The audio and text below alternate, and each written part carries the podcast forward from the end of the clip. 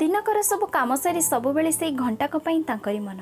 ଏଇ ଘଣ୍ଟାକ ଯେମିତି ଗାଁ ଯିବା ଲାଗି ତାଙ୍କ ଶେଷ ଟିକଟ ଏତିକି ବର୍ଷ ଭିତରେ ଏଇ ଗୋଟିଏ କାମରେ ହିଁ ତ ତାଙ୍କ ମନ ତୃପ୍ତି ପାଇଛି।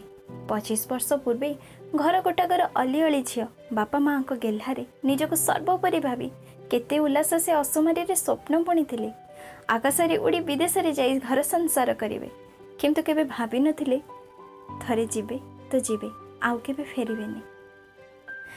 ନିଜର ଘର ସଂସାର ଭିତରେ ପିଲାଙ୍କୁ ସେ ସ୍ୱଦେଶ କରିପାରିଲେନି କି ନିଜେ ବିଦେଶୀ ମଧ୍ୟ ହେଇପାରିଲେନି। ସ୍ୱାମୀ ରୋଜଗାର କରି ଜଣେ ଆଦର୍ଶ ବ୍ୟବସାୟୀ ତ ହେଇଗଲେ ଓ ହୋଇପାରିଲେନି।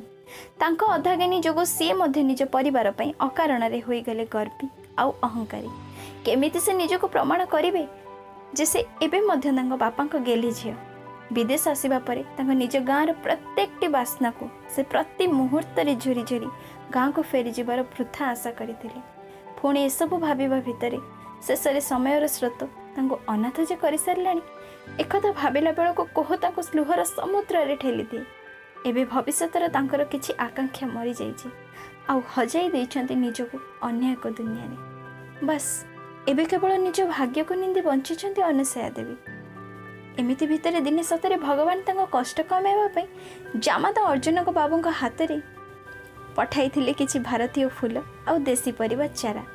ନିଜ ଜନ୍ମିତ ପିଲାମାନେ ତାଙ୍କୁ ଏତେ କେବେ ବୁଝନ୍ତିନି ଯେତିକି ତାଙ୍କ ଜାମାତା ତାଙ୍କ ମନ ବୁଝିଛନ୍ତି।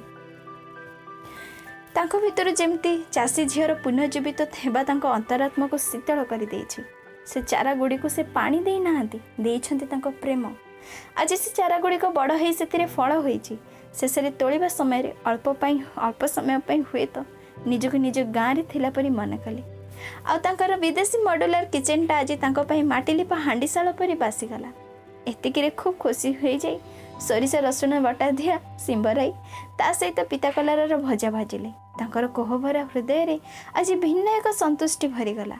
ପିତା କଲରାର ମିଠା ସ୍ୱାଦକୁ ସେ ଠିକ୍ ବାରିପାରିଲେ। ମନର ପୀଡ଼ା ଯେବେ ହୃଦୟକୁ ଆନ୍ଦୋଳିତ କରେ ବୋଧେ ଅକଳ୍ପିତ କାମ ସବୁ ମଧ୍ୟ ସହଜ ହୋଇଯାଏ। ସେଇଥିପାଇଁ ବୋଧହୁଏ ଅନୁସୟା ଦେବୀ ଆଜି ଜୀବନରେ ପ୍ରଥମ ଥର କଲରା ସହ ହସି ହସି ମିତ ବସେ।